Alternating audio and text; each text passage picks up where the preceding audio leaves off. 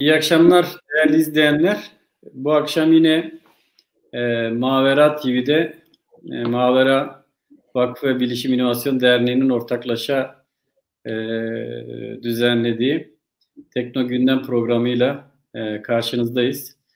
E, umarım e, bugün de böyle keyifli, ilgi çekici bir e, sohbet olacak. Bugünkü konumuz dijital medyada manipülasyon.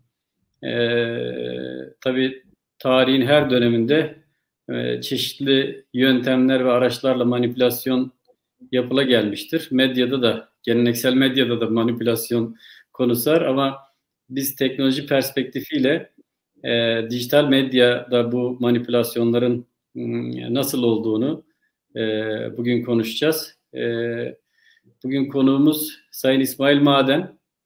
E, kendisi e, e, bu konuda e, doktora düzeyinde çalışmalar yapıyor bildiğim kadarıyla. Şimdi kendisinden kısaca bir e, bahsetmesini isteyeceğiz e, bizim geleneğimiz olduğu üzere. Ve kendisine hoş geldin diyerek so- sözü veriyorum. Ee, hoş bulduk. İşte İsmail Maden, Memorya Bilişim ve Medya AŞ'nin kurucusuyum. Onun dışında Marmara Üniversitesi'nde radyo televizyon bölümünde e, doktora yapıyorum. Tez aşamasındayım. İşte tez konumda yine dijital medya. E, aynı zamanda Medipol Üniversitesi'nde de misafir öğretim görevlisi olarak yeni medyada yayıncılık uygulamaları dersini veriyorum gazetecilik bölümünde. Bugün de işte dijital medyada manipülasyon konumuzdan bahsedeceğiz. Tabii sizin de dediğiniz gibi hani manipülasyon konusu bir saniye. Sunumu isterseniz ya, yansıtabilirsiniz şeyi bir yandan. Bugün yine e, artık bir standart haline geldi programlarımızda bir e, genelde akışımız sunum üzerinden e, olmaya başladı. Güzel bir gelenek oluştu. Bugün de e, böyle e, ilginç, ilgi uyandırıcı bir siyah zemin üzerine bir şeyimiz var. e, şimdi afişi izlerken e, biraz işin esprisini de yapayım müsaadenizle. E, afişteki bizlerle e, şu an live gördükleri bizleri e, çok benzetemiyor olabilirler. Burada bir manipülasyon söz konusu değil değil mi kesinlikle? O e, afişteki fotoğraflar ve şu an gördükleri kişiler biziz. En azından ben e, yani oradaki İsmail Maden'le buradakinin aynı kişi olduğunu şahitlik edebilirim. bir manipülasyon söz konusu değil sadece koronanın olduğu bir şey var, durum var herhalde. Korona süreci aynen öyle. Oradaki saçlar çok kısa, buradaki saçlar çok uzun. Koronadan kaynaklanıyor o da. Evet. O zaman şeye giriyorum. Konumuza sunuma başlıyorum. Dediğim gibi konumuz dijital medyada manipülasyon. Ee, sizin de belirttiğiniz gibi hani bu manipülasyon konusu e, sırf hani dijital medya özgü bir şey değil. Zaten hani yıllardır medya, zaten medya üzerine çalışmalar da özellikle İkinci Dünya Savaşı sonrasında e, propaganda üzerine, bir medyanın propaganda aracı olarak nasıl kullanılacağı üzerine. Önce manipülasyonun tanımına bakarsak, e, bu direkt TDK tanımı, Türk Dil Kurumu'nun tanımı. Manipülasyon ilk anlamıyla yönlendirme demek. E, bir diğer anlamıyla, ona da yakın bir şekilde zaten. Seçme, ekleme ve çıkarma yoluyla bilgileri değiştirme anlamına geliyor manipülasyon. Algı ee, aslında değil mi? Bir algı, yönüyle de. Algı bir algı oluşturmaya yarıyor. Şimdi burada görmüş olduğumuz iki görsel, e, bunlar zaten şey, hani en klişe görseller. Google'a işte dijital medya ve manipülasyon kelimelerini yan yana yazacağınız zaman işte göreceğiniz 8-10 tane görsel vardır. Bu iki görsel o görsellerden ikisi. İşte ilk görselde görüyorsunuz ortadaki e, fotoğraf e, gerçek fotoğraf. İşte ama bunu bir taraftan işte bir yaralı adamın başına silah dayanmış olarak da göstermesi mümkün medyanın. İşte diğer taraftan ona yardım ediyor, su, su veriyormuş gibi göstermek de mümkün. Ee, yine diğer tarafta işte bu Prince William'ın fotoğrafının işte çekim açısına göre el hareketinin nasıl durduğu üzerinden burada insanlar üzerinde farklı bir algı oluşturmak e, mümkün. Fakat ve bunlar hani bu biz şimdi birazdan dijital medya ile dijital teknolojinin gelişmesiyle beraber olan şeylerden bahsedeceğiz. Hani yeni manipülasyon imkanlarından. Hani bunlar herhangi bir teknolojik bir şey gerektirmeden sadece işte fotoğrafın sağını gösterip solunu gösterip fotoğrafı farklı açıdan göstererek e, yapılan manipülasyon teknikleriydi. Şimdi bu manipülasyon Bunlar teknik... Evet. Ee, çok özür. Bunlar için çok e, teknolojik imkanlara da gerek yok. Zaten hani geleneksel medyanın araçlarıyla da e, bunlar rahatlıkla yapıyordu. kullanılan araçlardı. Ee, peki yani burada şey bir taraftan bu teknikleri kolaylaştırdı dijital teknolojilerin gelişmesi. İşte birazdan onlara geleceğiz. Bir taraftan da bu içeriğin yayılma sürecini çok hızlandırdı. Manipüle edilmiş bir içerik çok daha hızlı yayılıyor eskiye nazaran dijital medyada. Şimdi burada belirtmemiz gereken şeylerden ilki e, yalan haberlerin gerçek haberlere göre çok daha fazla paylaşılıyor olması. Bu MIT'nin bir çalışması vardı. Genelde bu ona refer edilir bu yalan haberlere daha fazla ilgi konusu. 2006-2016 yılları arasındaki tweet içeriklerinden, Twitter'daki içeriklerden bir analiz yapıyorlar. Bunların paylaşım oranlarından. Ve burada şu sonuca ulaşıyorlar. Yalan haberler gerçek haberlere göre 6 kat daha fazla ilgi görüyor ve daha fazla paylaşılıyor. Dolayısıyla bir taraftan yalan haberlere çok daha fazla ilgi var. Onun dışında e, bu dijital medyanın getirdiği bir diğer sonuç da e, içerik üretim sürecinin de, tüketim sürecinin de ve bu içeriğin yayılmasının inanılmaz hızlanması. Tam bunu söyleyecektim. Şimdi e, tabii yeni medya diye bir kavram var. Medya sizin e, bildiğim kadarıyla özel e, çalıştığınız alanlardan bir tanesi de. Yani yeni medya üzerine de çalışmalarınız var. E, e, dijital e, dijitallik her şeye bir e, hız kazandırıyor. Hız zaten e, en belirgin hayatımızdaki yaptığı değişikliklerden bir tanesi. E, ama bu dijitalleşme medyayı da yeniden tanımlıyor değil mi? Yeni medya kavramı da bunun üzerine oluştu. E, bu dijital imkanların medyayı dönüştürmesiyle beraber manipülasyon denilen şey belki daha önceki geleneksel medya araçlarına göre çok daha hızlı, çok daha etkili olmaya başladı değil mi? Burası bu açıdan kritik. Tabii ki tabii ki. Yani özellikle bu 2000'li yıllardan sonra bu Web 2.0 yaklaşımının benimsenmesinden sonra işte sosyal medya platformlarında bir patlama yaşandı. Ee, hani kullanıcının da içerik üretip e, internet sitesine dahil olduğu, kendi içeriklerini yayınladığı platformlar çok yaygınlaştı. Ve dolayısıyla kaynağı belirsiz, kaynağı belli olmayan içerikler ortaya çıkmaya başladı. Hani bir şey düşünün. Hani birazdan işte troll hesaplar var, bot hesaplar var. Mesela troll hesabın bir troll hesap bir içerik üretiyor. Bu içeriği yayınlıyor. Bu içerik viral olduktan sonra yine bu hız motivasyonuyla hani geleneksel platformlarda sosyal medyada ve kendi dijital web siteleri üzerinde en hızlı bir şekilde bu içeriği verebilmek için işte haberin kaynağını çok sorgulamadan bu haberin kaynağı kimdir, bu haber nereden geldi, güvenilir midir, değil midir diye çok düşünmeden, eskiden olduğu kadar bunu analiz etmeden hızlı bir şekilde e, en hızlı olma motivasyonuyla bunu yayınlıyorlar. E, fakat gün sonunda bu troll hesap, içeriği üreten, manipülatif içeriği üreten hesap hesabı kapatıyor, gidiyor ama o içerik yayılmaya devam ediyor. Diğer artık bu diğer platformlar bunu yayınladıktan sonra bunu silmiş olsalar dahi artık bu bir kere yayınlanmış oluyor ve mesela bir taraftan bunu siliyorlar ve doğrusunu paylaşıyorlar. Fakat hala o doğrusu paylaşılmış olmasına rağmen onun yalan versiyonu işte bir taraftan dolaşımına devam ediyor. Sosyal Şöyle diyebiliriz değil mi? Şöyle diyebiliriz. Yani bir e, dijitalleşmenin bu manipülasyona getirdiği önemli bir boyut hız. Yani basılı e, bir mecradaysa e, o basılı mecranın frekansı e, boyunca değiştirebilirsiniz, manipüle edebilirsiniz. Yani gazete ise bir sonraki güne kadar beklemeniz gerekiyor o manipülasyon. Bir dergi ise o derginin basın periyodu. Bir dijitalleşme buna bir hız kazandı. Bir diğeri de bence sizin e, yanılıyorsam düzeltin lütfen. E, söylediğiniz kritik bir boyut var. E, kaynağının belli olmaması. Yani dijitalleşme e, kaynağı belli olmayan içeriklerin üretilmesinin de bir aracı haline geldi. Geleneksel medyada kaynağının belli olmaması çok karşılaştığımız bir durum değil. Burada ciddi bir farklılık var değil mi?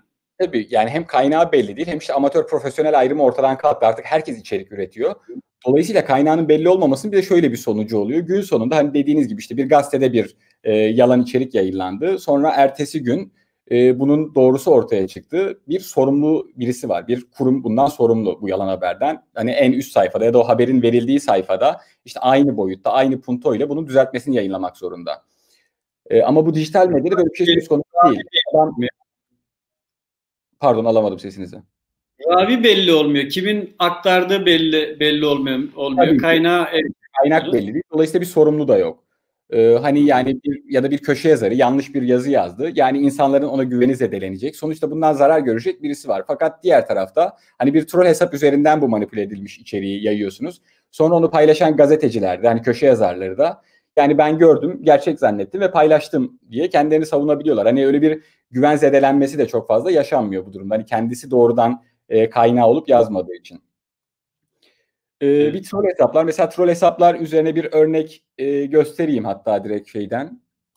E, mesela bu şey işte bir parodi hesap. Şunu pardon şöyle bir yapalım. Ya bunu paylaşan hesap esasında şuradaki e, gerçek Donald Trump hesabı değildi. Fakat Donald Trump'ın profil resmiyle e, bir parodi hesap vardı. Bu parodi hesap işte bir tweet attı. Mesela Fox TV yayınında İsmail Küçükkaya o tweet'i e, gerçekmiş gibi değerlendirip okumuştu. Bunu bir videoyu açıyorum. Bir 40 saniyelik bir video var. Şimdi efendim Donald Trump'ı artık hepimiz iyi tanıyoruz değil mi? Ne zaman ne diyeceği, ne zaman ne yapacağı kestirilemiyor. Dün böyle bir zirvede fotoğraf çekildi bakın. Gayet iyi geçti Cumhurbaşkanı Erdoğan. Fotoğrafa bakarsanız Türkiye Cumhuriyeti'nin Cumhurbaşkanı var, Almanya'nın şansölyesi Merkel var ve İngiltere ve Fransa'nın da liderleri orada. Donald Trump ne diyor bakın. Hani fıkralar olur ya. Ama Donald Trump bu kez gerçekten sosyal medyada fıkra gibi şu mesajı paylaştı. İki Türk, bir Alman, bir Napolyon. Yani bir Fransız, bir Alman ve iki Türk olduğunu vurguluyor efendim. Ve tabii Johnson'ın Türklüğüne de, geçmişine de, atalarına da vurgu yapıyor. Donald Trump sosyal medyada çok konuşulan bu paylaşımında. Yani gördüğünüz gibi işte hani böyle bir şey, bir canlı yayındasınız. Böyle bir tweet var ve bir anda bunu gerçek sanıp e, okuyorsunuz. Ama bu tweet gerçek bir tweet değil. E, dolayısıyla bu troll hesaplar Trump'ı tanıdığını parodi ve troll hesaplar üzerinden e, bir de bot hesaplar var ayrıca. Ya bot hesaplarla da üretilmiş bu troll bir hesap üzerinden yayılmış bir e, yalan içerik hani paylaşılıyor paylaşılıyor. Bot hesaplarla da bununla karşılaşma ihtimalimiz artıyor. Birisinin tweetine bakıyoruz. Tweet altındaki yorumlarda o bot hesaplardan birisi girip e, bu manipülatif içeriği, medyayı artık videodur, fotoğraftır bunu paylaşıp e, tekrar tekrar karşımıza çıkmasına yol açıyor. Kariyerinin sonu oldu mu bu e, şey? E, bu olmadı. Bu hata... yok. Nedenlerinden biri olmuş olabilir ama. O, o olmuş Şimdi, olabilir. İçerisinde bir trajediler de var tabii. Ee, gerçekten çok dikkatli olmak gerekiyor. Yani e, bu Türkiye'de bir e, e, hani ana akım medyada bir ana haber bülteninde e, ve önemli bir değil mi gazetecinin e, önemli bir e, kişinin yaptığı bir haber. Hani Donald Trump'ı çok tanıyor ama e, hesaplarını çok iyi tanıyamamış. E, fıkra gibi diyor ama kendisi bir fıkraya konu olacak hale Tabii gelmiş. Öyle. Yani, yani haber sitelerinde bunun videosu vardı. Çok hani karşılaşmak istenecek. Tabii yani çok iyi bir medya profesyoneli olsanız dahi e, bu tür e, manipülasyonlara maruz kalıp kötü sürprizlerle karşılaşabiliyorsunuz. Evet. Burada İsmail Küçükkaya örneğini verdik. Tabii Twitter'da bu tweet'i retweet edenler, gerçek sanıp üzerine yorum yapanlar, analiz yapanlar, yine koca koca gazeteciler bir sürü örneği söz konusuydu onun. Bir diğer şeyi de dijital medya ile beraber yine bu hızla da alakalı tabii ki çok fazla içerik var. Yani çok çok fazla içerikle karşılaşıyoruz. Hani ilgimizi çeken çekmeyen işte Twitter'da bir akışımız var, Facebook'ta bir akış var, Instagram'da bir akış var. Bu akışta hani ilgimizi çeken, takip ettiğimiz bir takım içeriklerin yanı sıra hiç ilgimizi çekmeyen, alakamız olmayan, hakkında bilgi sahibi de olmadığımız pek çok konuyla ilgili içerik bombardımanına tutuluyoruz. Şimdi şöyle bir çalışma var. Yine insan beyninin nasıl bu içerikleri algıladığına dair. Şimdi insan beyni ilk olarak bu içerikleri alıyor ve bunları doğru kabul ediyor. İkinci aşamada hani kendi bilgi birikimi, kendi arka planına göre bu içeriklerin doğru olup olmadığını beynimiz otomatik bir şekilde e, bunu değerlendiriyor. Fakat bu ilki gibi do, hani ilkinde doğrudan instant bir süreç var. Anında kabul ediyoruz. Diğeri biraz daha zamanla oluşuyor. Hani içeriğin doğru olup olmadığını anlamamız ve çok fazla içeriğe maruz kaldığımız zaman ve bu içeriklerde hani bizim e, direkt verili olarak kabul ettiğimiz bir takım her insan için e, gerçekler var. Hani e, yalan olduğunu dolayısıyla çok kolay fark edebileceğimiz şeyler söz konusu. Ama çok ilgimiz de olmayan bir konu hakkında çok fazla içerik, çok fazla yalan içeriğe maruz kaldığımız zaman bir noktadan sonra beynimiz de o şeyin karşılaştırmasını yapmayı bırakıyor. Çünkü o ilk algılamadaki gibi anlık bir süreç değil. E, ve dolayısıyla yalan içerikleri bizim o ilk adımda kalıyoruz ve onları aslında doğruymuş gibi kabul ediyoruz. Dolayısıyla bu da yine dijital medyada çok fazla içerik olması da e, insanların yalan habere daha fazla yalan içeriğe, manipüle edilmiş içeriğe daha fazla maruz kalmalarına yol açıyor. Bununla beraber aynı anda işte kişisel verileri de göz önünde bulundurduğumuz zaman bizim sosyal medya platformlarında işte takip ettiklerimiz üzerinden yine bu bilgisayardaki çerezler üzerinden bizim hangi siteleri ziyaret ettiğimiz, nelere ilgi duyduğumuz bir sürü kişisel verimize sahipler bu platformlar. Ve dolayısıyla bu platformlarda işte bizim kişisel verimize göre işte bizim nelerden hoşlandığımız, ideolojik yaklaşımımızın ne olduğu, hangi siyasi partiye yakın durduğumuz gibi pek çok e, sonuca da ulaşabiliyorlar. Ve bu ulaştıkları sonuçla beraber e, bu çok fazla içeriğin farklı kitlelere farklı şekilde gittiğini düşünün. Dijital medyanın sağladığı e, en temel şeylerden birisi de bu kitlesizleştirme. Yani geleneksel medyada bir akşam 7 haberleri herkes için aynı iken dijital medyada farklı kullanıcılar e, farklı içeriklere maruz kalıyorlar ve bu çok fazla içerikte işte bu kişisel verilerimize göre de kişiselleştirilmiş internet dolayısıyla kişiselleştirilmiş içerikten ötürü e, daha fazla yalan habere inanma ihtimalimiz artıyor. Çünkü işte benim kesin doğru olduğunu bildiğim bir şeyin yalan haberiyle ben karşılaşmıyorum ama siz mesela işte tam olarak o konuda hiçbir şeyiniz yok, ilgilendiğiniz bir konu değil. Onunla ilgili yalan haberle siz o içeriğe siz maruz kalıyorsunuz. Burada belki şeyden işte Cambridge Analytica örneğini de verebiliriz. Hani bu 2016 ve Brexit seçimlerinde 2016 Amerikan seçimlerinde Trump'ın seçildiği ve e, İngiltere'deki Brexit sürecinde e, popüler olmuştu. Sonrasında popüler oldu bu Cambridge skandalı. Patladı daha doğrusu. İşte Cambridge Analytica'da ne yapmışlardı? Facebook'taki pek çok kullanıcının Facebook üzerinden verilerini elde etmişlerdi. Ve bu verilere göre farklı kullanıcılara farklı propaganda içerikleri gönderilmişti. Yani adam işte arada kalmış ama eğer oy verirse de gidip Clinton'a oy verecek mesela. E, bu kullanıcılar Clinton'a oy vermemeleri gerektiğine dair içerikler gördüler. Hani Trump'ı promote etmediler onlara. Yani oy vermeme eğilimi var ama verirse Clinton'a verecek. Hiç oy vermemeye teşvik edildi bu kullanıcılar. Yine arada kalmış kullanıcılar ama Trump'a oy verme mailleri var. E, bu kullanıcılar Trump'ı promote eden, Trump'a oy vermenin ne kadar iyi olacağını anlatan içeriklere, propaganda içeriklerine maruz kaldılar. İngiltere'nin e, Brexit oylamasının e, aslında bir kesim e, büyük oranda manipüle edildiğini e, düşünüyor e, yanlış bilmiyorsam. Yani e, sokak aynı sokakta oturan insanların davranışlarına kadar analiz edip onları etkilemeye yönelik çalışmalar yapıldı değil mi? Şeyde bu Cambridge Analytica'daki hani gruplamada böyle işte 10 farklı profil grubu. Hani ben şimdi kabaca iki örnek burada bahsettim ama tabii mahalle mahalle çok fazla grup. Yani neredeyse e, abartıyorum tabii burada. Herkese farklı içerik sunacakmışçasına e, hazırlanıyor bu. Yani çok minik minik gruplar. E, dolayısıyla yani oraya kadar ölçülmüş ve ona göre şeyler analiz edilmiş. Farklı kullanıcı tipleri, farklı kullanıcı alışkanlıkları ve herkes farklı farklı içeriğe maruz kalıyor gün sonunda. Ve dolayısıyla hem kişisel verilerinize göre hem çok fazla hem de çok hızlı içeriğe maruz kaldığınız zaman işte bir noktadan sonra manipüle edilmiş içeriği gerçek içerikten ayırt edemez hale geliyorsunuz. Buradan mesela bir basit örnek daha var. Bu da şey mesela burada gördüğünüz 8 fotoğraf karesi esasında aynı fotoğraf karesi. Ee, bu fotoğraf karesi işte bu korona salgın pandemi süreci ilk başladığı zaman e, Türkiye'de farklı bunlar Instagram story görselleri. Farklı farklı hesaplar, farklı farklı şehirlerden çekilmişçesine o fotoğraf e, bunu paylaştılar. E tabii ama bakıyorsunuz şimdi işte sizin şehrinizden bir korona şeyi paylaşılmış. Zaten hani e, bir panik havası oluşuyor. Böyle bir, panik, bir hastalık çıkmış bütün dünyada. Herkes bunu konuşuyor. Ve etiketlenmiş. Hani Bursa'da etiketlenmiş, işte Kocaeli'de etiketlenmiş, Sakarya'da etiketlenmiş. Etiketi de görüyorsunuz ve lokasyon olarak hani bu daha da inandırıcılık katıyor işe. Ama yani fotoğraf paylaşırken etiket olarak sizin kendi bulunduğunuz yere o etiketi koyabiliyorsunuz halbuki.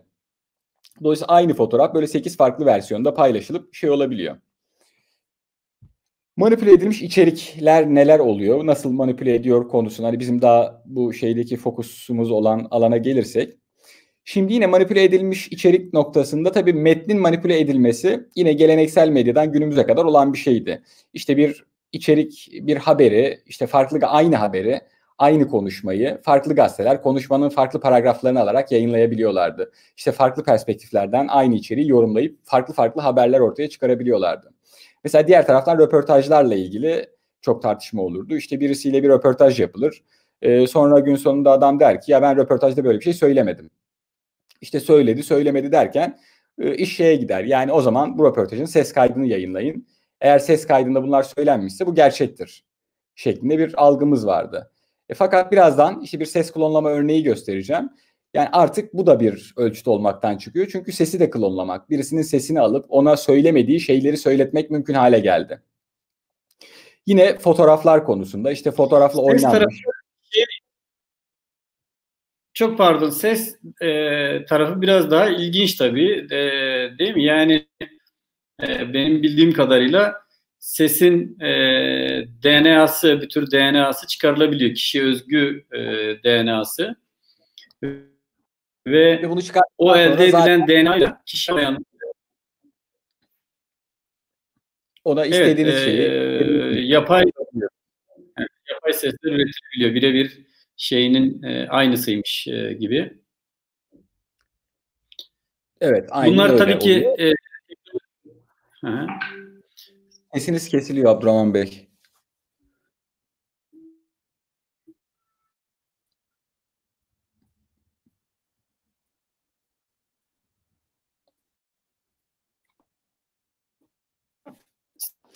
Ben devam ediyorum. Siz bir bağlantı. Heh.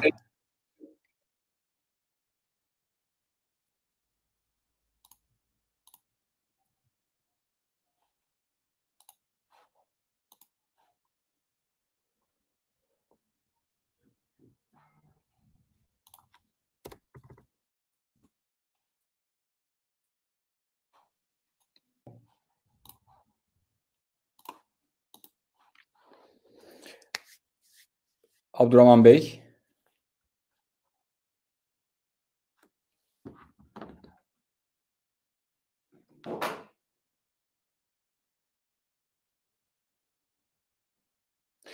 Ben devam ediyorum o halde. Ee, sanırım Abdurrahman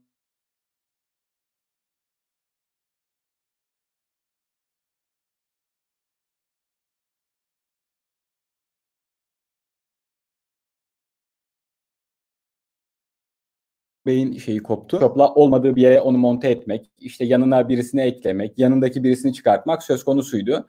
O zaman da diyorduk ki bunun e, video içeriğinin olup olmadığına bakalım. Eğer bu video içeriği ortaya çıkarsa e, bu bunun gerçek olup olmadığını gösteriyordu. Fakat artık o da söz konusu değil. Çünkü birazdan bahsedeceğimiz deepfake teknolojisi e, video içeriğini de hani birebir e, kopya videoları üretebilmeyi mümkün hale getirdi. Başkasının yüzünü alıp başka bir yüzün içine monte etmeyi mümkün hale getirdi. Diğer taraftan augmented reality de bu noktada belki değinilebilir manipüle edilmiş içerik noktasında. Bu augmented reality artırılmış gerçeklik. Ee, Benim sesim mi şimdi? Şimdi geliyor, şimdi geliyor. Manipülasyona uğradım, bağlantımı switch etmek zorunda kaldım. Ben, ben Fakat öyle değilmiş herhalde. Evet. Bu işte fotoğraf ve deepfake, deepfake'ten birazdan bahsedeceğim. Augmented reality'de de bu artırılmış gerçeklikte e, bir gerçek görüntü üzerine bir sanal objeyi gerçek zamanlı olarak hatta yerleştirmek mümkün. E, bugün augmented reality'ye dair pek çok şeyler, uygulamalar söz konusu. Hani eğlenceli şeyler daha çok yine. E, işte odanızın içinde bir dinozor geziyormuş gibi bir video çekebiliyorsunuz. İşte bir e, hayvanat bahçesine çevirebiliyorsunuz odanızı. Bir sürü obje ekleyip sadece sürükle bırak yaparak bu objeleri ekliyorsunuz. Fakat bugünkü uygulamalarda daha çok bunların e, sonradan eklenen şeyler olduğu belli oluyor. Hani sanal oldukları, gerçek olmadıkları belli oluyor. Fakat bu da geliştikçe hani doğrudan bir insanı kesip bunun işte augmented reality'de sanal versiyonunu üretip bu sanal versiyonu gerçek bir görüntünün üzerine ve hatta bunu real time olarak koymak mümkün olacak ve bu bugünkü bunun o sanal olduğunun belli olduğu daha, daha azalacak. Daha gerçeğe yaklaşacak o da zaman içerisinde. Şimdi öncelikle ses klonlama. Ben bunu bu programdan önce bir ekran kaydı alıp şey yaptım. Bunu size göstereyim. Ben şimdi Descript Overdub diye bir Descript diye bir program var. Bunda Overdub diye bir özelliği var. Ee, şöyle ki ben bu programa 15-20 dakikalık bir ses kaydı yükledim öncesinde. İnternet ortamından herkesin herhalde rahatlıkla erişip ücretsiz kullanabileceği bir program değil mi? 7 gün ücretsiz kullanabileceği, en azından denemek için indirip 7 gün ücretsiz kullanabileceği bir program. E, sonrasında işte şey var, e, bir aylık bedeli var bunu kullanmak için. Şimdi sistem şu şekilde çalışıyor. Ben buraya bir 15 dakika programı indirdim. Program üzerinden bir 15 dakikalık bir ses kaydı oluşturdum. E, buraya tabii herhangi bir sesi atıp şey yapamıyorum. Programı alıp direkt benim bilgisayarımda çalıştırmıyorum çünkü. Yani program benim bilgisayarımda çalışıyor da sesi analiz etmeye dair kısmı, e, bu yapay sesi oluşturma kısmı benim bilgisayarımda çalışmıyor. E, bana bir metin veriyorlar. Zaten o metnin ilk cümlesinde ben ses kaydımı bu programa, Descript'e gönüllü olarak gönderdiğimi söylüyorum. Bir metin okuyorum. Bu metin hani yarım saatlik bir metin. E, bunun ama 10 dakikalık kısmını okuyup kesebilirsiniz. İşte ben de bir 15-20 dakikalık kısmını okudum. E, bunu okuduktan sonra daha fazla sesle, daha fazla aynı sesten e, daha uzun metinler okuyup e, daha gerçekçi sonuçlar ortaya çıkmasını sağlayabilirsiniz. Benim okuduğum 20 dakikalık metin üzerinden e, sonra da birazdan göreceksiniz. Bu Wikipedia'dan bir taraftan bu şeyi de açayım videoyu. Ben biraz böyle hızlı gitmiş olabileceğimiz için anladığımı tekrar etmeye çalışayım mı? Tabii ki tabii ki. Bu e, programın ücretsiz e, sürümünden e, faydalandınız. E, bir e, kısa metin okudunuz programa. Hı hı. O da aslında sesinizle ilgili sesinizin karakteristiğini, onu nasıl taklit edeceğini öğrendi. Evet. Değil mi? Daha sonra program hani benim bu sesimi öğrendi. Bu sesi bana artık bu sesi kullanabilirsin olarak verdi. Ve ben de Ve, bu sesi denedim. Ortaya çıkan sonucu denedim. Tabii ki bu program şey hani Türkçe desteği olacak değil mi? Aslında sizin okumadığınız bir şey sizin sesinizle yerinizi okuyacak şimdi. Evet evet ben sonra bunu direkt Wikipedia'ya girdim. Hani bir şey kopyaladım. Ee, o kopyaladığım metni direkt Descript üzerinden e, o metni okuttum. Şöyle görelim onu. Wikipedia'da deepfake sayfasına girdim. Şu gördüğünüz kısmı kopyaladım. Ben normalde buraya dair bu kelimelerin hiçbirisini hani metinde olan kelimeler muhakkak denk gelmiştir ama spesifik olarak okumadım. Bu sözler aslında daha önce sizin hiç söylediğiniz sözler değil. Evrende sizin için bunun karşılığı Aynen. yok. Ben bunları hiçbir zaman söylemedim daha önce. Sesler uzay boşluğuna Sesler uzay boşluğuna gidiyormuş ya kaybolmuyormuş. Sizinki bu konuyla ilgili hiç uzay boşluğuna gitmedi yani. Şimdi bilgisayar gönderiyor. Yani tamamen Hani bunu okuyan ses tamamen bilgisayar üretimi bir ses. Bunu aşağıda tamam. görüyorsunuz. Bölümlere ayırıp. The survey identifies that researchers have been focusing on resolving the following challenges of deepfake. A survey of deepfakes published in May 2020 provides a timeline of how the creation and detection deepfakes have advanced over the last few years. The survey identifies that researchers have been focusing on resolving the following challenges of deepfake creation. Generalization, High quality deepfakes are often achieved by training on hours of footage of the target. This challenge is to minimize the amount of training data required to produce quality images and to enable the execution of trained models on new identities. Per training, training a supervised model can produce high quality results, but requires data pairing. This is the process of finding examples of inputs and their desired outputs for the model to learn from. Data pairing is laborious and impractical when training on multiple identities and facial behaviors. Some solutions include self-supervised training, the use of unpaired networks such as CycleGAN, or the manipulation of network embeddings.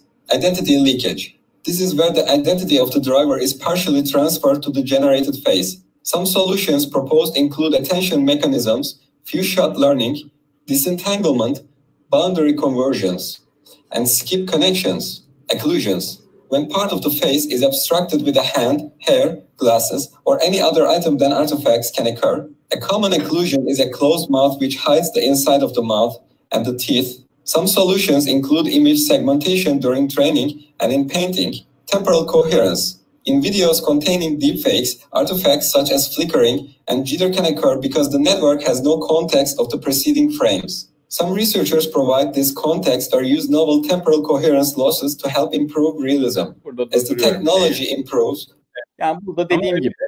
Emin, emin ol siz hep Türkçe dinledik. Şimdi İngilizce sesinizle şey olmamız lazım. Aksanlar uyuyor mu uyumuyor mu diye. Tabii oradan farklı bir de şu var. Hani şey anlaşılıyor tabii. Hani bu sesin yapay bir ses olduğu aralarda anlaşılıyor. Aralarda kesintiler oluyor. İşte e, bu sesin böyle dijital olduğuna dair şeyler böyle ufak noktalar geliyor kulağa. Rahatsız edici şeyler geliyor.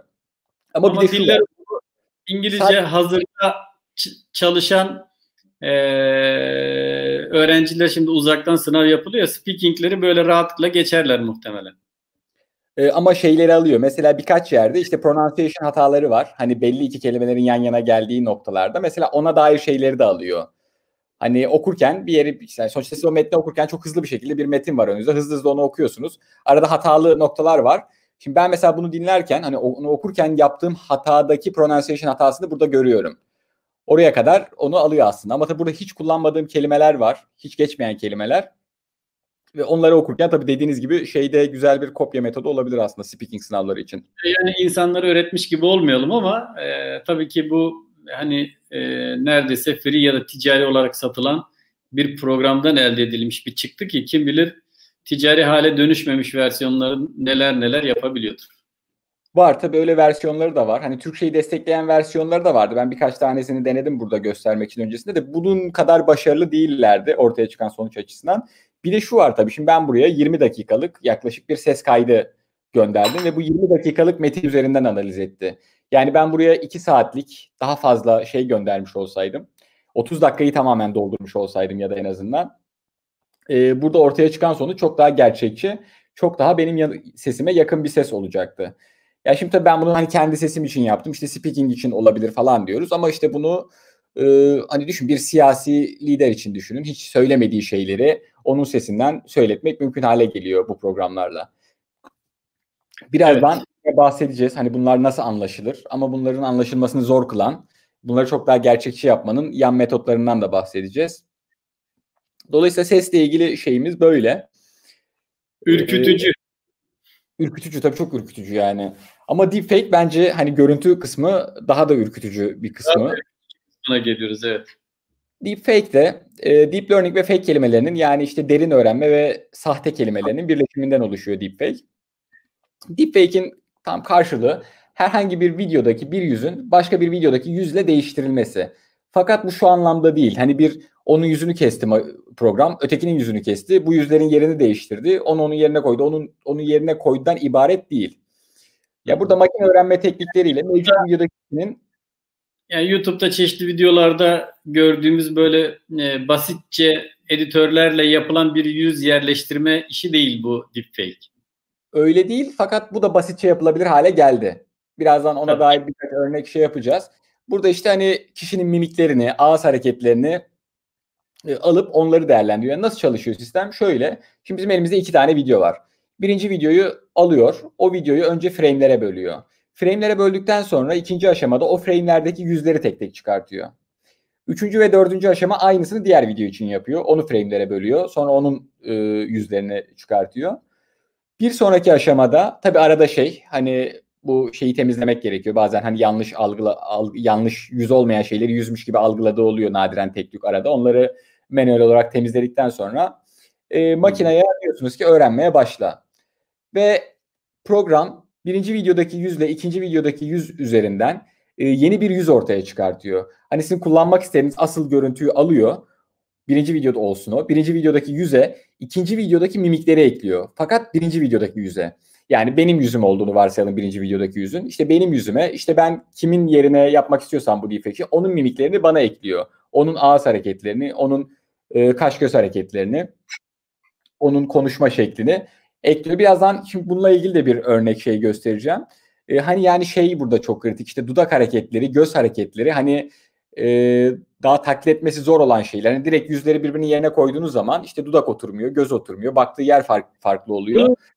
Şöyle biraz da somutlaştırabilirim değil mi? Yani bu tabii e, bir tür imaj processing e, mevzusu teknik olarak bakıldığında ama tabii çok daha ötesi. Aslında e, yüzün bütün bileşenlerine e, dijital ortamda hakim olmak e, demek. Şimdi biz imaj, imaj processingleri ilk e, gündelik hayatımızda aslında plaka tanıma sistemlerinde görüyoruz. Plaka tanıma sistemlerinde bir fotoğraf çekiyor ve o fotoğraftaki sayıları ve harfleri teker teker elde ederek bir plaka olduğunu şey yapıyor. Şimdi e, elde eden bir sistem ne yapabiliyor? Diye, diyelim ki plakanızda geçen A harfini elde etti.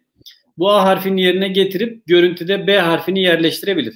Tabi teknik olarak bakıldığında harf ya da sayı yerleştirmek e, çok daha kolay bir şey. Burada yüz ve yüzün bileşenlerini analiz ederek aslında e, bunlar üzerinden e, ciddi bir manipülasyon yaparak yeni e, sizin yüzünüzü taklit edebiliyor değil mi? Görüntünüzü taklit edebiliyor, mimiklerinizi taklit edebiliyor. Taklit ediyor. Onun işte color correction'ını yapıyor, renk düzeltmesini yapıyor. Sizin işte Hani bir videodaki şey çok daha parlak sarı bir ışık altında çekilmiş, diğeri beyaz altında çekilmiş. O sarıdakini kullanıyorsunuz ama onu beyaza uygun hale getiriyor. Diğer taraftan işte bütün mimikleri, kaş göz hareketlerini, sağa sola bakışları onları ekle ayırdığı yüzlerden zaten önce e, birbirine yakın yüzleri seçip onlar üzerinden üretiyor. Yani sizin kafanızın yan durduğuyla diğer videodaki kafanın yan durduğu üzerinden bir yeni şey üretiyor. Ama dediğim gibi sonuçta bu bir e, doğrudan değiştirme değil. Bu yüzleri değiştirme tekniği değil. Yeni bir yüz üretiyor. Ortaya çıkan sonuç e, ilk videodaki yüzün alıp yerleştirilmiş versiyonu değil. Tamamen yeni üretilmiş, makine tarafından üretilmiş bir yüzün oraya monte olarak üretilmiş bir yüz aslında. Ondan bahsediyoruz. Aynen Dijital öyle. olarak üretilmiş olan bir yüz de her türlü üzerinde oynayabilme imkanı getiriyor e, doğal olarak. Yani sakalsızken sizin o yüzünüze dijital üretilmiş yüze e, gerçekten fark edemeyeceğiniz şekilde sakal yerleştirebilir. Ya da Tabii. gerçekten hiç fark edemeyeceğiniz şekilde sizi sakalsız gösterebilir. Değil mi? Aynen öyle. Aynen öyle. Ee, bununla ilgili mesela ilk bir örnek şeye baktığımız zaman bu deepfake şeyi hani bu dudak hareketini almak daha anlaşılır olacaktır şu videoya baktıktan sonra. Yani bu dijital olarak üretilmiş bir yüz herhalde. Değil mi? Unite Yok bu ortadaki yüz gerçek bir yüz. Gerçek yüz, diğerleri jest ve mimiklerini hareket edenler. Taklit edenler. işte Game of Thrones dizisinin karakterleri var. Ee, bu karakterlerin hepsi bu ortadaki yüz üzerinden üretilmişler. Ee, hani bu ortadaki yüzün kafa hareketleri, mimik hareketleri, göz hareketlerini bu dört karakter üzerinde göreceğiz şimdi. First with Dr. Caro Joana Ifair. It is important for you to know that everybody can make deepfakes now. You can turn your head around. Mouth movements are looking great, and eye movements are also translated into the target footage. And of course, as we always say, two more papers down the line, and it will be even better and cheaper. Yani gördüğünüz gibi burada da işte kaş göz hareketleri, mimik hareketleri, kafasını sağa sola çevirdiği zamanlarda işte burada da kafalar sağa sola çevriliyor. Bir bu real time tam, zamanlı yapılabilen bir şey yani. Bu, bu muhtemelen bu şey değil. Bu real time yapılmış değil. Bu sonradan yapılıp e, montajlanmış. Ama bunu real time yapabilir şeyler de var. Yani gerçekçi olarak bu, bu derece gerçekçi değiller ama real time işte yüz değiştirme şeyleri var. Ya aslında Snapchat'in pek çok filtresi de bu deepfake şeyine örnek verilebilir ama daha çok daha basic versiyonlar. Hani işte Snapchat'te yüz değiştirme filtreleri falan vardı. Yani gün Evet, sonunda tabii bilgisayar versiyonu. Hı. Yani kompütürlerin gücü e, güçlü olmasıyla daha güçlü şeyler real time yapılabilecek bir şeydir. Muhtemelen real time yapabilmek için çok büyük işlemci güçleri gerektiği için e, rahatlıkla yapılamıyordur ama oralarda sınırsız bir şekilde ilerliyor bakalım. Tabii, evet buralar daha ürkütücüymüş gerçekten. Bir Niye tane sunum tarafının siyah olduğunu anladım şimdi. Bir tane daha şey göstereceğim. Yine bu YouTube'dan bulduğum bir diğer başarılı çok başarılı örneklerden birisi. Burada Shining filminde işte biliyorsunuz Jack Nicholson başrol. Ee. Jack Nicholson yerine Jim Carrey'i koymuşlar bu videoda. İkisini yan yana göreceksiniz. İşte sağdaki Jack Nicholson versiyonu filmin orijinaldeki versiyonu, görüntüsü. Ee, soldaki ise deepfake ile üretilmiş Jim Carrey'li versiyon. Bu arada bu film de hani herkese tavsiye ederim. Çok başarılı, güzel filmlerdendir. İzlemeyenler bence izlesinler.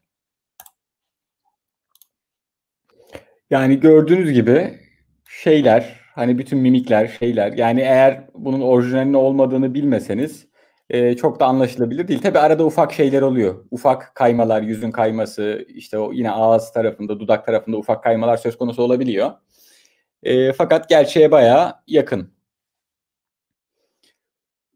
Ve Evet. bu tabii Abdurrahman abi Bey'in dedi, dediği gibi bu şeylerle beraber bilgisayar güçlerinin artmasıyla beraber hani bu zaten deepfake teknolojisi daha önceden hayatımızdaydı. Bu Hollywood'da kullanılıyordu da hani e, vefat etmiş bir oyuncuyu bir filmde oynatmak yani tam filmin çekimleri öncesinde belli sahneleri çektiler belli sahneleri çekemeden e, işte oyuncu hayatını kaybetti. E, onun sanki o oynamış gibi göstermek mümkün. Bildiğim kadarıyla bu Hızlı ve Öfkeli'nin son şeyinde bunu yapmışlardı filminde. E, fakat artık yani şu son 2-3 yıldır bu son kullanıcıya son kullanıcının yapabilir hale geldi. Yapabilir hale geldi son kullanıcı bunu. Hani eskiden profesyoneller sadece bunu yapabiliyorlardı. Artık hem bilgisayar güçleri arttı hem e, bunun open source pek çok tabii bunların da farklı versiyonları var.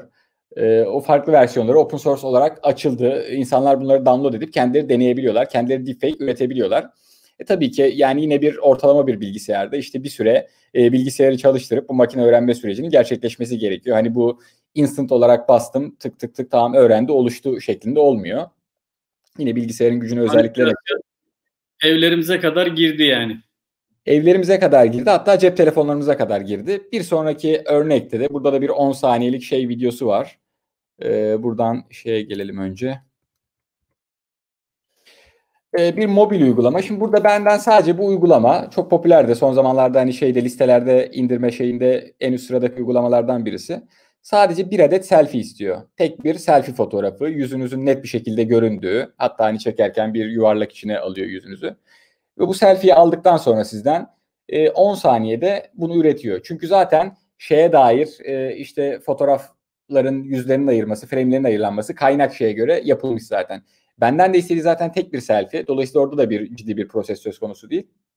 E, ben bunu upload ediyorum ve muhtemelen karşı tarafta çok e, yüksek özelliklerde bir bilgisayar hemen bunu hızlıca şey yapıp bana 10 saniye içerisinde e, sonucu gönderiyor. Yani burada işte Keanu Reeves'in John Wick filmindeki şey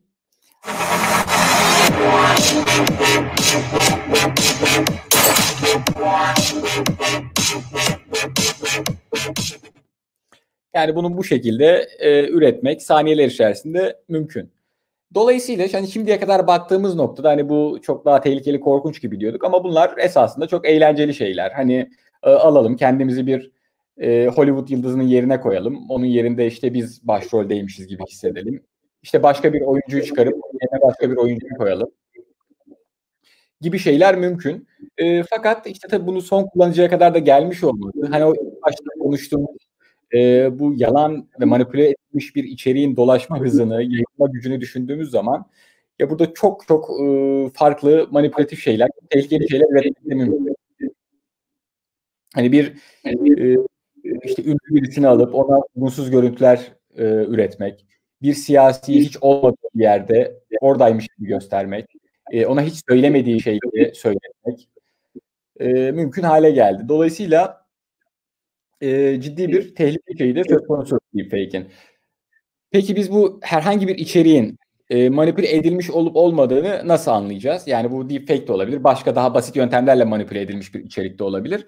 Şimdi burada içeriğin bu geleneksel şeyde de bir manipüle edilmiş içerik varsa ortada öncelikle bu içeriğin kaynağı kimdir, nedir ve bu kaynak ne kadar güvenilirdir? İlk soru budur.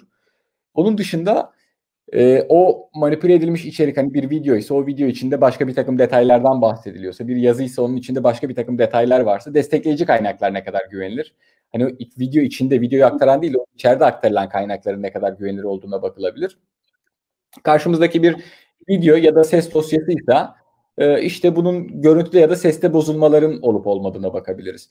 Şimdi hani demin izlediğimiz işte videolarda hani bayağı gerçeğe yakın olmasına rağmen ufak tefek kaymalar vardı.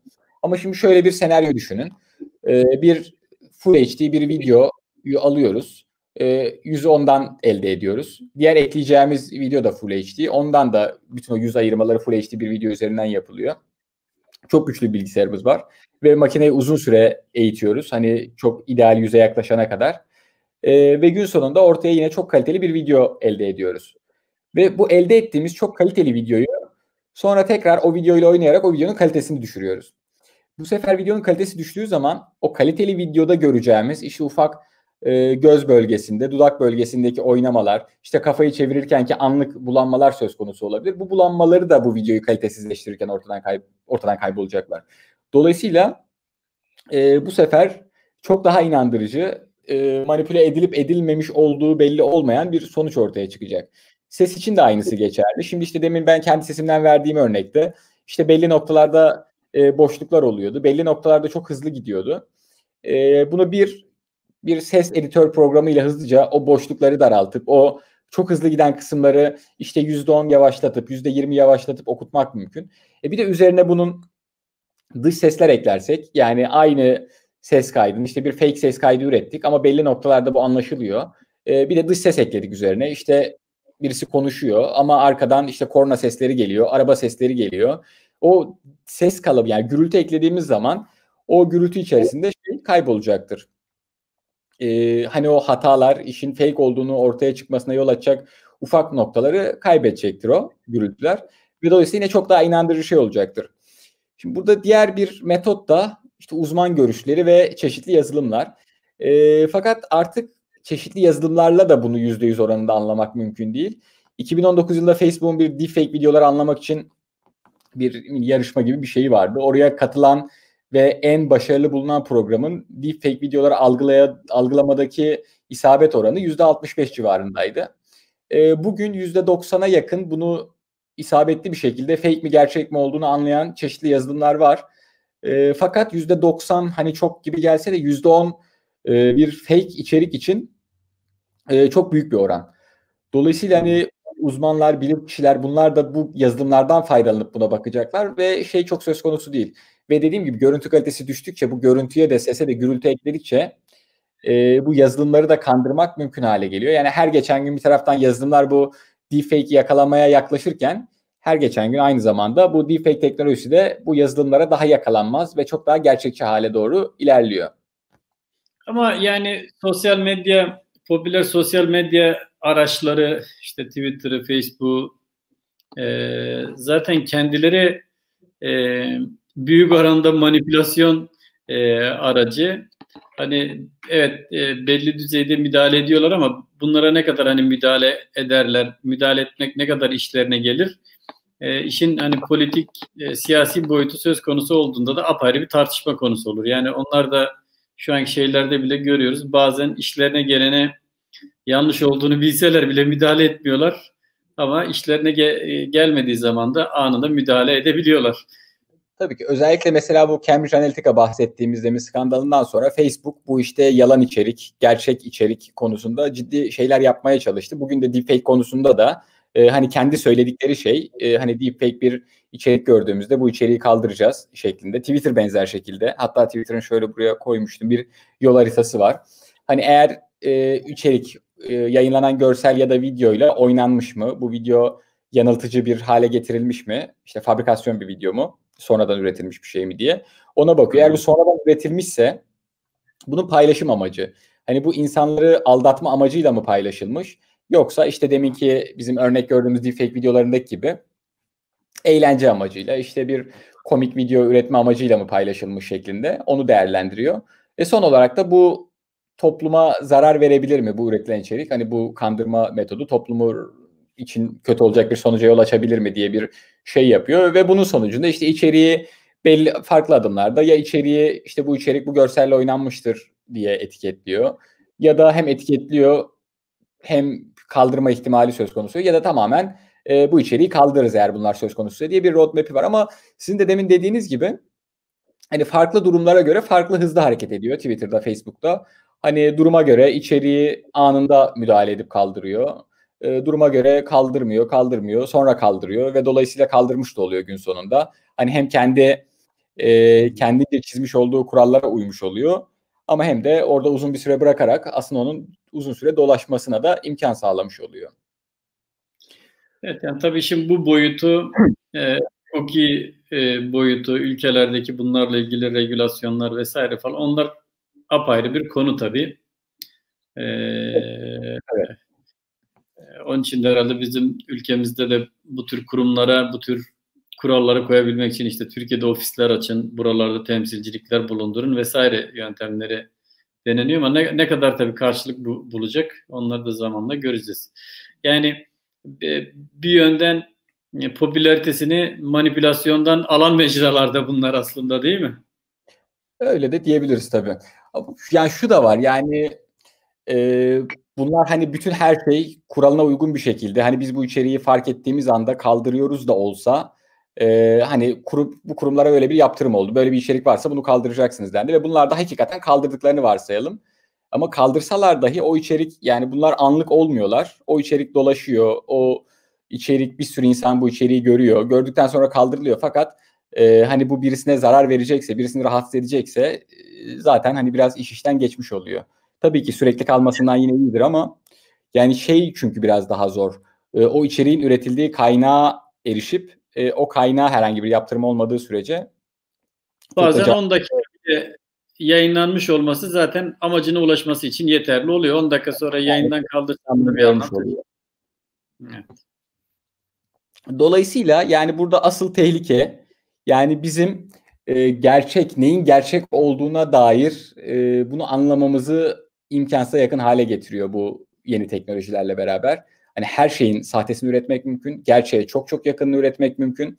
Yani bir taraftan işte demin bahsettiğim şey rahatsızlığı söz konusuyken e, hani birisi yapmadığı bir şeyi bir videoyla yapmış gibi göstermek mümkünken tam tersi de söz konusu hale gelecek. Hani şu an için deepfake çok belki kitleler nezdinde bilinen bir şey değil ve bu tehlike daha ön plana çıkıyor. Fakat e, herkes hani bu her şeyin, videonun, sesin, fake'inin yapılabildiğini, sahtesinin üretilebildiğini anladıktan sonra e, bu sefer yapılmış bir şeye hayır bu fake demek de mümkün hale gelecek.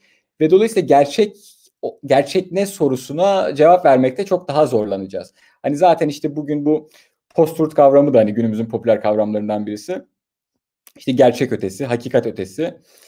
Ee, hani insanlar inanmak istedikleri şeye inanıyorlar daha ziyade kabaca tarif edersek. Ee, gerçek olan değil, hani neye inanmak istedikleri belirleyici oluyor. Ee, bu deepfake teknolojileri de bu çeşitli sahte içerik üretebilme, manipülatif içerik üretebilme teknolojileri de e, bunu besliyor açıkçası. Bu post besliyor. Dolayısıyla bir şeyle karşılaştığımız zaman bir videoyla yani bu işte ilk başta konuştuğumuz şeyleri de düşününce hani çok fazla içerik var. E, bir taraftan biz hani post şeyinde daha e, kendi inandığımız şeyler üzerinden gerçekliği çiziyoruz. E, dolayısıyla bu deepfake de bunu çok daha kolay, çok daha mümkün hale getiriyor. Evet tabii gerçek ötesi, hakikat ötesi, ötesi bu apayrı bir şey. Yani belki şey evet. Yani o oraya doğru yelken açabiliyor kitleler bu şey üzerinden, bu teknolojiler üzerinden. evet. Dolayısıyla ciddi bir tehlike aynı zamanda ve şey yani bu hani yine e, bu kadar herkesin yapabildiği bir şey olması bunu çok tehlikeli kılıyor. Hani herkes yapıp bir sürü Twitter hesabından şeyden e, bunu üretmek mümkün. Çok kolaylaştı. Muhtemelen birkaç sene sonra çok çok daha da kolaylaşacak.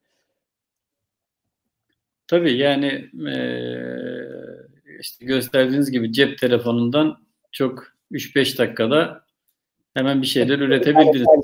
Ve bunu üreten bir versiyon ama yarın hani videonuzu yükleyeceksiniz. İşte 10 saniyelik bir video yükleyeceksiniz ve karşılığında işte daha uzun bir kaynak videoda e, mimiklerinizi de mümkün mertebe alarak, sizin yüz hareketlerinizi de alarak e, tamamen istediğiniz şeyde içeriğinizi üretebileceksiniz.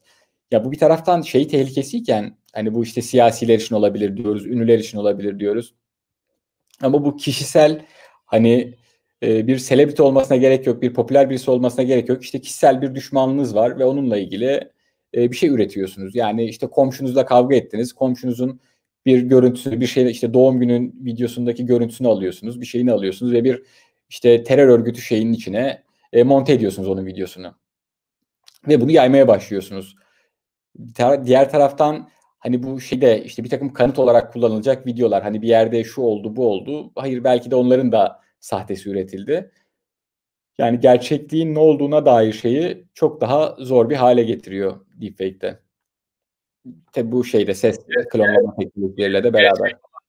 Gerçek olan ne, fake olan ne? Ee, şeyler e, dijital e, dünyada bu imkanlarla beraber herhalde baya bir e, grileşecek. E, yani dijital teknolojiler geleneksel platformdaki manipülasyon imkanlarını e, o manipülasyonu ortadan kaldırma açısından pek çok imkan sunarken hani mesela bir fotoğraf kullanılır. E, bu fotoğraf o, o habere ait bir fotoğraf değildir. Ama hemen o fotoğrafı işte web sitesinden kopyalayıp Google Image'da search ettiğiniz zaman ya işte burada Mısır'da bir haber için kullanılan fotoğraf ama bakıyorsunuz hayır Mısır'la hiç alakası yok. İşte Kanada'daki bir olaydan alınmış bir fotoğraf esasında o. Hani bir taraftan bu geleneksel medyadaki manipülasyonun önüne geçen bir şeyken ama bir taraftan da yine ortaya çıkan teknolojiler apayrı ve önüne geçmesi çok daha zor bir manipülasyon tekniği ortaya çıkartıyor. E bir tam hani bu post-truth döneminde e, hani bir herkes kendi inandığı şeye doğru bir gerçeklik seçtiğinde işte bu da toplumda kutuplaşmaya e, gibi negatif sonuçlara yol açıyor. Evet. Yani popülist söylemler üzerin, üzerinden e, gerçek ötesi evet, şeyler geliştirmek mümkün olacak gibi görünüyor bunlarla. Tabii işin e, hani teknoloji boyutu, teknolojinin gelişmesiyle beraber e, kimi zaman e, teknoloji büyük oranda nimetler sokuyor hayatımıza.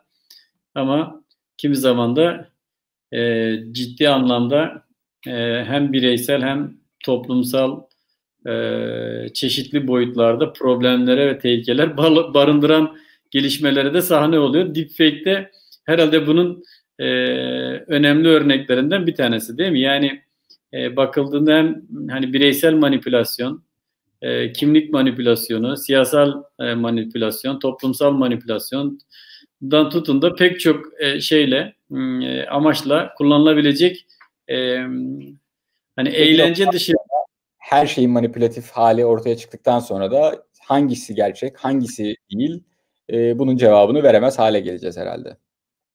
Evet, şimdi bir yandan izleyenlerden de yorumlar geliyor. E, deepfake ne yazık ki giderek daha tehditkar bir hal almaya başlıyor diye. Evet, yani e, özellikle bu teknolojileri geliştirenler e, açısından son derece şey e, tehditkar olmaya fırsatlar barındırmaya bizim gibi kullanıcı kullananlar açısından da başka tehditler e, barındırıyor tabii ki. Ben bir yandan da e, izleyicilerden gelen yorumlara bakıp e, değinmemiz gereken e, bir şey var mı diye, konu var mı diye. Biri e, face swap demiş ama yani deepfake tam bir e, face swap deepfake şeylerinden yani farklı şeyleri var. Hani ben burada anlatırken örnek aldığım şey bu Deepface Lab şeyini ben kullanmıştım. Hani o açık kaynaklı kodunu kullanmıştım. Kendim birkaç deneme yapmıştım öncesinde. E, FaceSwap var. Birkaç tane daha yine farklı deepfake metotları söz konusu. Farklı evet. kaynak kodları var. FaceSwap onlardan birisiydi.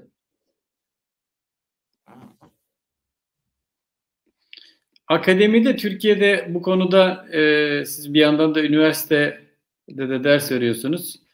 Ee, yüksek lisans düzeyinde mi ilgilenilen bir konu e, doktora düzeyinde mi ilgileniyor? İlgi, ilgi e, var mı gördüğünüz kadarıyla? Yerli şey makaleler de var. Hem deepfake konusunda hem e, bu deepfake'in algılanmasına dair yazılımlar konusunda işte yani bunların nasıl geliştirilebileceği, neler yapılabileceği konusunda. E, sesle ilgili yine keza şeyler var. İşte ben kendim lisans şeyinde yine bunlardan bahsetmeye çalışıyorum her dönem. E, fake içerik üretme, fake ses üretme, fake video üretme konularında. Ee, soru sormak isteyen izleyicilerimiz var. Sorsunlar bir an önce. evet. Bazı böyle e, manipülasyon amaçlı mıdır bilmiyorum. Bazı böyle e, yorumlar e, gelip gidiyor. E, neyse o kısmını e, geçtik. E, e, bilmiyorum e, aktarmak istediğiniz başka bir şey kaldı mı? Genelde yani, tamamdır herhalde. Bu aşağı yukarı bunlar. Varsa başka bir şeyde bir soru falan da varsa düşünebiliriz, şey yapabiliriz. Yok ben böyle tartışmalar dışında şey görmedim. Ee, bir soru görmedim. Ee, iyi en azından hani izleyiciler tarafından nasıl manipüle edileceğine dair de şeyler olmadı. Böyle bir programda bekliyordum yani. Bir manip manipülasyon girişimleri öyle bir manipülasyon girişimi görmedik. Ee, bence çok e, faydalı oldu. Ee, yani herkesin e, bir şekilde aslında işte haberlerde e, ya da sosyal medyada e, karşılaştığı bir konu ama e, böyle değerli toplu e, teknik detaylarıyla beraber e, bence güzel bir program oldu. E, bu hani akademi açısından bakıldığında da en sonundan bahsediyorduk. E, aslında biraz disiplinler arası bir e, konu. Yani Tabii sadece hem ilgilendiriyor hem bilişim tarafını ilgilendiriyor, bilgisayar mühendisliğini ilgilendiriyor. O açıdan hani e, bizi izleyenler arasından özellikle e, bu konuya ilgi duyanların e, başvurabileceği belki yüksek lisans doktora programları vardır. E, gençleri buralara doğru teşvik etmemiz lazım. Bu yeni konularda e, çalışmalar yapan kişilerin sayısının artması gerekiyor. e, pek çok işlediğimiz konuda hep bu konuya da bir vurgu yapıyoruz başlıklarda. Diyoruz ki bu konuda gidin işte yüksek lisans yapın, doktora yapın, araştırmacı olun. E, bunlar e, gelecekte daha da bir önemli hale gelecek olan e, alanlar. E, burada da yetişen insan kaynağın olması tabii ki önemli. E, ben teşekkür ediyorum. Rica ederim. E, bizi izleyenlere de e, teşekkür ediyoruz. E, ve bir sonraki programda görüşmek üzere. Herkese iyi akşamlar diliyorum. Hayırlı akşamlar herkese. Çok sağ olun.